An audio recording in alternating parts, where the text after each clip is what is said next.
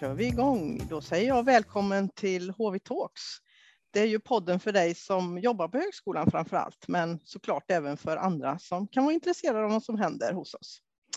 Här gör vi ju lite nedslag hos olika personer som vi är lite nyfikna på och som vi vill veta lite mer om. Och jag heter Anna Hallberg och finns på kommunikation och internationella relationer.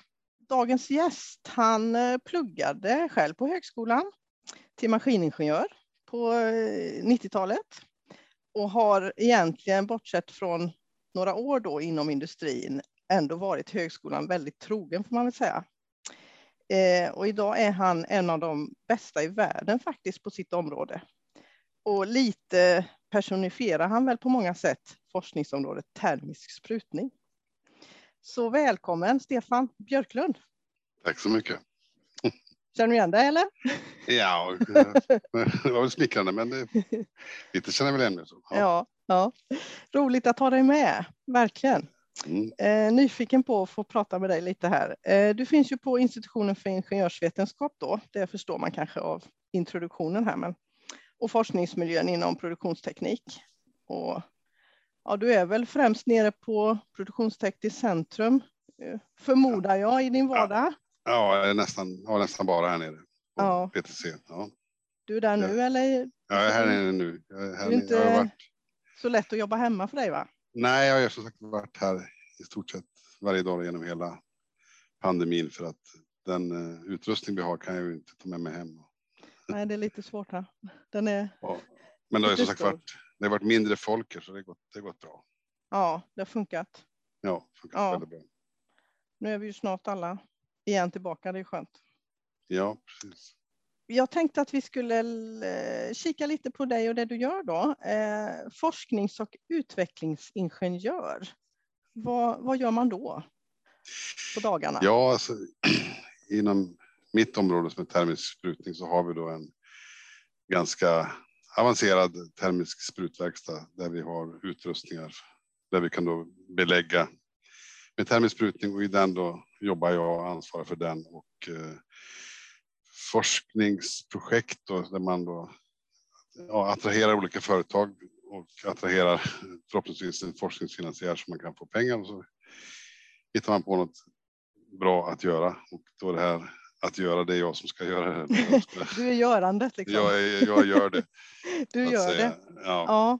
Du, och sen du har vi sa då... själv eh, experimentella hyss, sa du när vi pratade vid lite. Ja, precis. Det, dels har vi ju, dels har vi naturligtvis eh, ja, traditionell teknik där man vill vidareutveckla sånt som finns idag och göra det bättre. Men sen även försöker vi i viss mån även hitta på helt nya saker, göra saker som eh, ja, aldrig har gjorts förut i, i syfte att eh, egentligen underbygga möjligheterna att få nya forskningsprojekt. Mm. Om man kan om man kan komma in med liksom, ta någonting till bordet som är spännande så är det lättare att attrahera företag sen. Men än, att bara, ja. än, att, annars, än att bara komma med själva, hej vi har en utrustning, utan hej vi har en utrustning och vi har en massa kul idéer också. Mm, mm. Men du, du utför själva ja, görandet, själva experimenten som är, ska utveckla vissa moment då, eller, eller, vissa delar inom eh, Absolut. ditt område. Där då. Ja vi, som man belägger och i vårt fall är oftast inte liksom riktiga komponenter. Det är inga flygmaskinsdelar och sånt där. Eller, utan vi, det är ofta man, man belägger olika typer av provkroppar som man mm. sen till exempel mm. kan skära upp och titta hur den blev, alltså hur, hur skiktet blev inuti och man kan, man kan göra ett skikt och så kan man stoppa in det i en maskin där man nöter på det under en viss tid och så kan man testa då hur nötningsbeständigt det är. Man kan mm. testa det i termiska chocker, alltså man kan elda på det eller köra in det i ugnar och se hur det ja. vi, vi, producerar för olika projekt ett stort antal eh, prov, mm. provbitar som mm. doktorander och studenter och sen tar vid och undersöker vidare. Så och sen så när, det, när vi får ett resultat från det så sätter vi oss ner och försöker hitta en ny inriktning. Hur kan vi, hur kan vi ändra det eller göra det bättre? Eller, och så. Mm, mm. Tillsammans med företag också. Du får komma in på det lite sen vad, vad det här syftar till. Men alltså är det, är det farlig miljö det där du håller på med? Liksom? Termisk sprutning? Är det varmt eller kallt? Alltså, eller vad? Det... alltså för någon som inte vet något.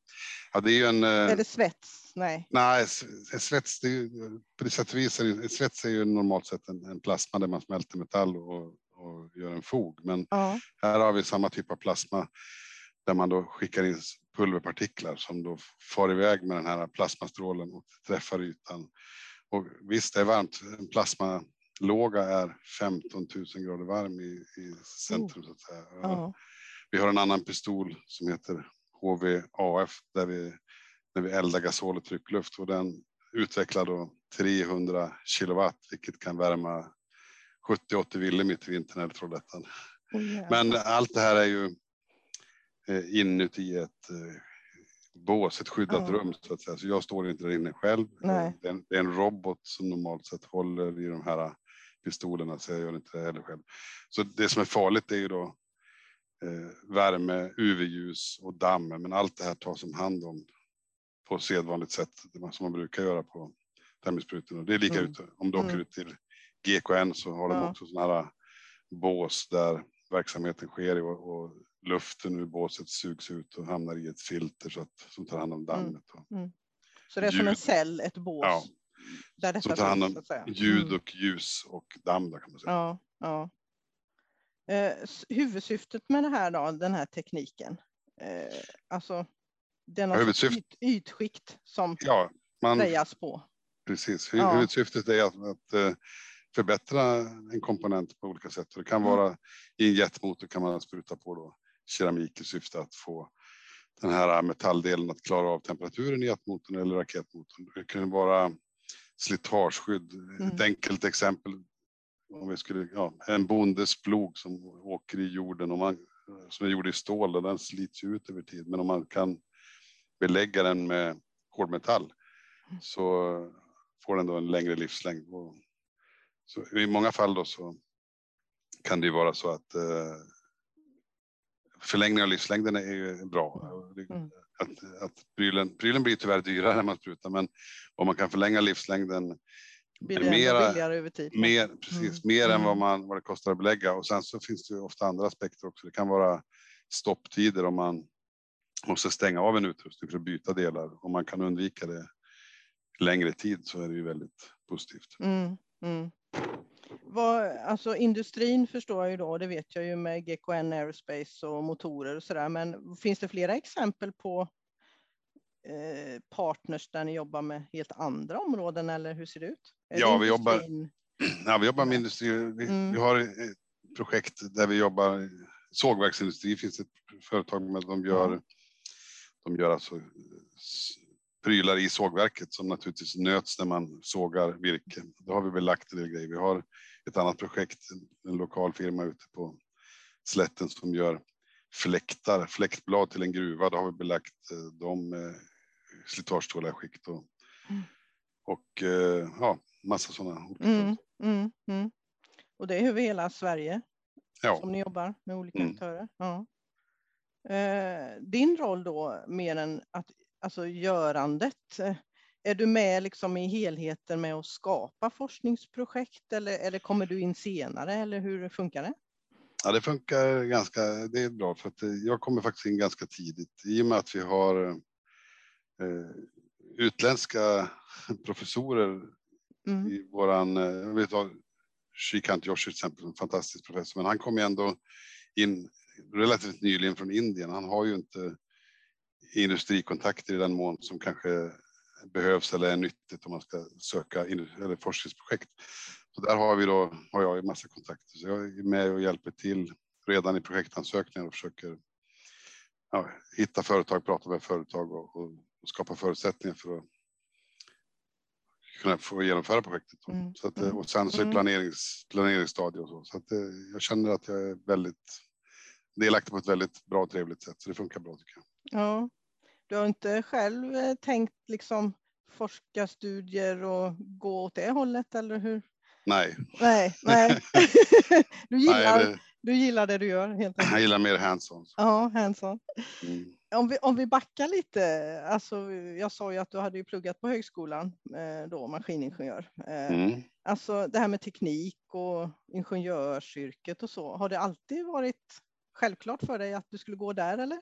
Det har alltid varit självklart. Hur började det liksom? Ja, alltså jag började gymnasiet på en typ inte, inte typ fyrateknisk utan mer en praktisk teknisk utbildning som handlade om robotar och, och sånt där. Och sen ja. så jobbade jag tre år på Scania, gjorde lumpen. Och sen började jag här 1990 på en uh, utbildning som heter uh, drift och underhållsteknisk teknikerutbildning. Jag mm. exakt vad heter.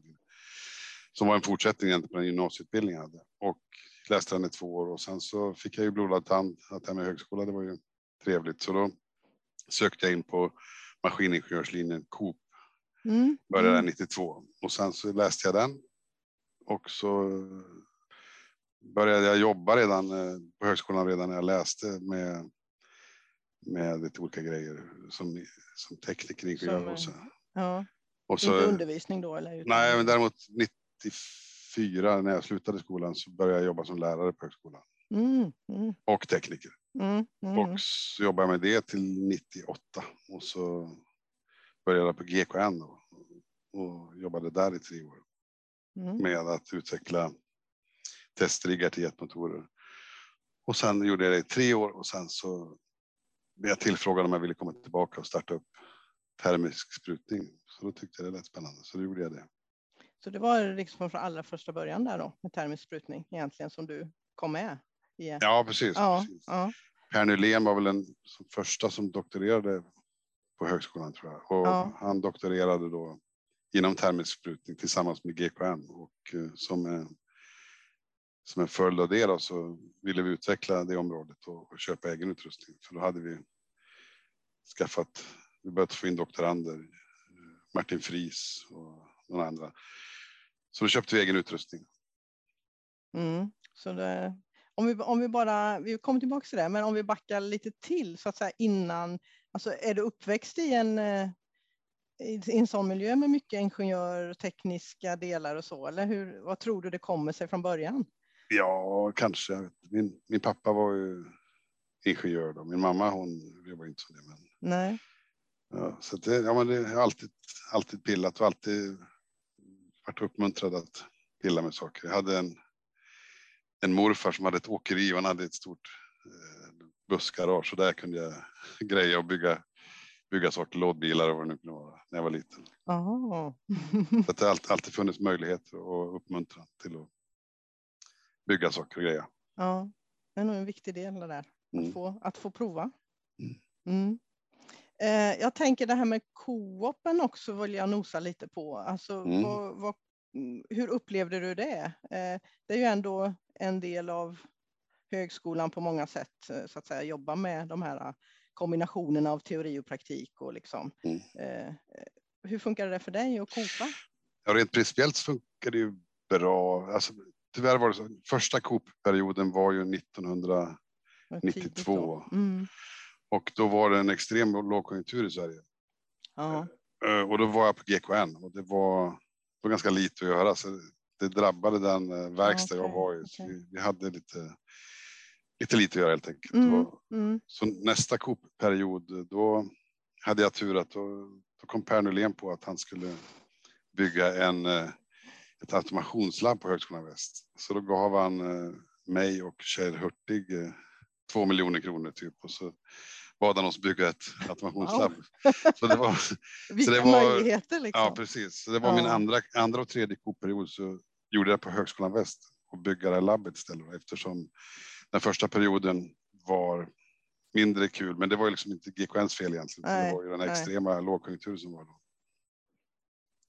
Ja, men det, så där, då kom du in på HV även då så att säga. Ja, precis. Ja. Så, då, så då jobbade jag med det då, då, då, som projekt och även på kvällarna. Så jag och Kjell jobbar väldigt mycket med, med det där och byggde typ den en automationsutbildningsutrustning vi har idag fast i en annan skrud med lite mera, lite mm. mindre robotar och några fler CNC-maskiner. Nu har man. Men i huvudsak lite det som finns kvar då? Samma idé så att, mm. att man, mm. man har ett, ett labb där studenterna kunde eh, förkovra sig i automationsteknik praktiskt.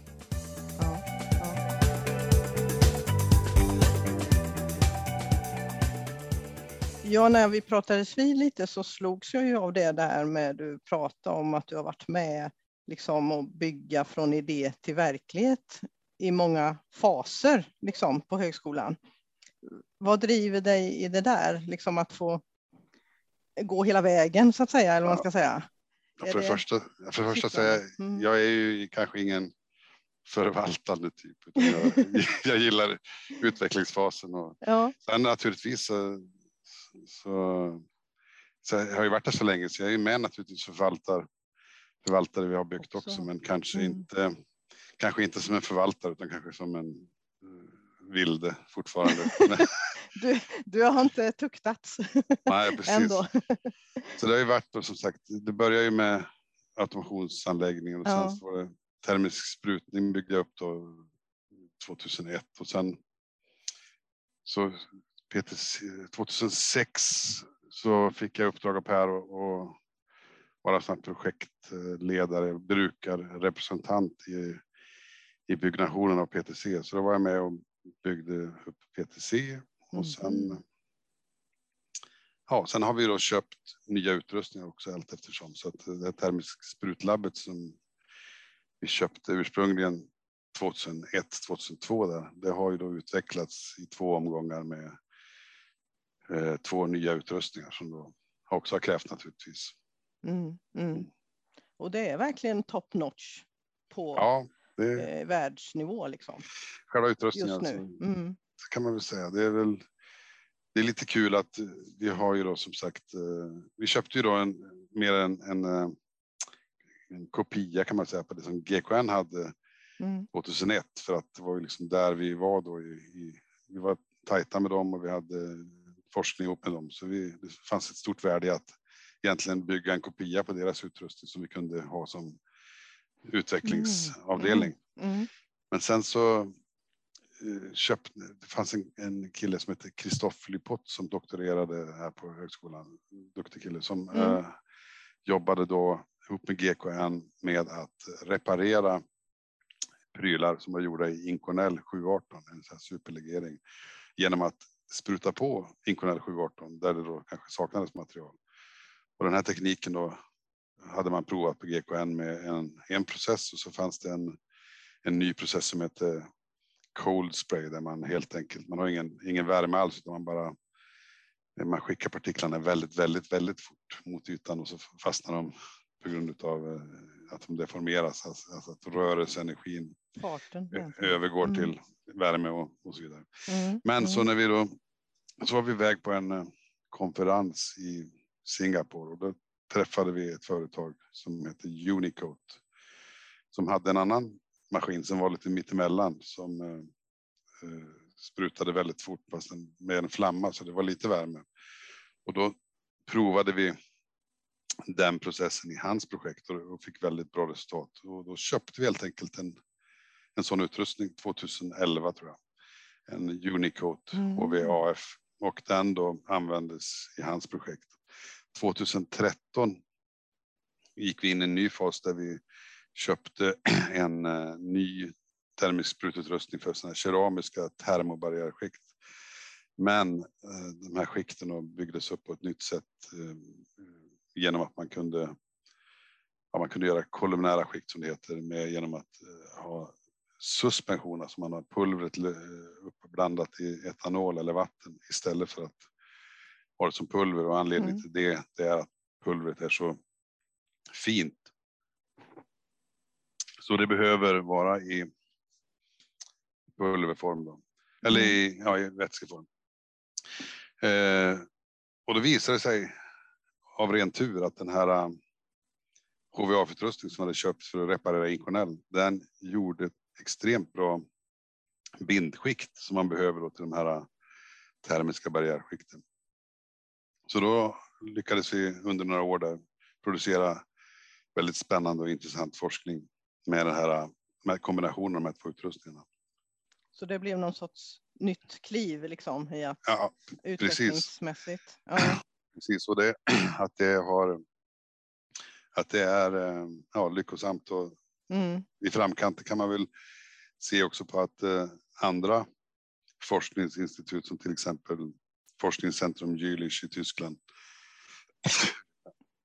De har köpt eh, samma utrustning som vi har, eh, gjort, ja, kopierat egentligen. Ja, ja, okej. Okay. Ja, Den det utrustning vi har. betyg alltid när någon försöker härma en. säga. Och ja. sen eh, Concordia universitet i, i Montreal, de har också köpt samma ja. utrustning. Ja. Och det kan man ju då dra slutsatsen eller tro eller hoppas att det beror ja, på att ja. de har läst den forskning vi har gjort och sett att oj, här, här finns det något. Så det vi säger är med världsledande, det stämmer rätt så bra då? Ja, vi har inom kommit, det området? Vi har kommit eh, mm. långt inom det området och vi var mm. tidiga. Mm. Vi har mm. haft tid, tid på oss. Vi är 20 vi har, år nu då, kan man säga då? Eller? Vi har, ja. Jo, men eh, ja, det senaste är ju drygt tio år, då, men under de tio åren har vi ju passerat igenom ett antal duktiga doktorander som har producerat en väldig massa papers. Nicholas Curry, Ashish Ganvir och Satyapal etc. Mm, mm. Men är ni ungefär tio inom ditt ja. område så att säga då? Just nu är vi tre seniora, två ingenjörer, eh, en postdoc och två doktorander och sen har vi mm. oftast några studenter knutna till oss i gruppen mm. som hjälper oss med mm. olika. Mm. Jag tänker där, eh, jag sitter ju på campus en bit ifrån PTC, men eh, en fundering, är det en myt eller liksom stämmer det att eh, ni är ett gäng eldsjälar på något sätt? Många har varit där länge, eh, alltså som jobbar jämt typ. jo, alltså det, ja, men det, det, är liksom, eh, det är ett väldigt trevligt ställe att jobba på. Det, personligen. Vad är det för kultur tycker du? Ja, det är, Vad präglar er liksom i ett gäng? Att, ja, att man, eh, jag ska säga, det, hela tiden har, jag, har jag ju känt att det är bra idéer från eh, ledning och så vidare och sen att det har resurssats med pengar så man kan köpa utrustning och, mm. och så. så och det, ja, det känns, känns kul att jobba så då vill man ju prestera bra och det känns också så att man, ja, man kan liksom producera, man kan komma med egna idéer och, ja. och det. Hörsammas liksom. Ja, precis. Så att, om jag säger att jag får någon galen idé att med termisbrututrustning så kan jag gå till mina professorer så här, och så ja. det här ska man kunna testa och sen kan det i förlängningen kanske bli ett projekt till och med. Liksom. Ja, ja. Så det finns en. Det är en väldigt dynamisk, trevlig miljö och, och som sagt som du säger, många har jobbat här länge och, mm. och verkar ju trivas. Då. då har du ingen fritid alltså? Jo, jag faktiskt nu. Jag får säga att jag jobbade mycket mer förut. Jag har eh, jag har lugnat mig lite den senaste, jag blir gammal. Sen, ja, just det. Sen anställde jag, jag fick anställt en kollega, Magnus, här, så då, sen har vi blivit två, så det har blivit lite lugnare. Så ja, på något sätt ja. så känns det som att jag hinner med under dagarna nu och så. Mm. Vad gör du då när du inte är på jobbet? Vad gillar du att göra då? Ja, då konstruerar jag högtalare istället. Teknik igen. Ja, precis. Ja. ja, jaha. Högtalare är en ja. nisch alltså.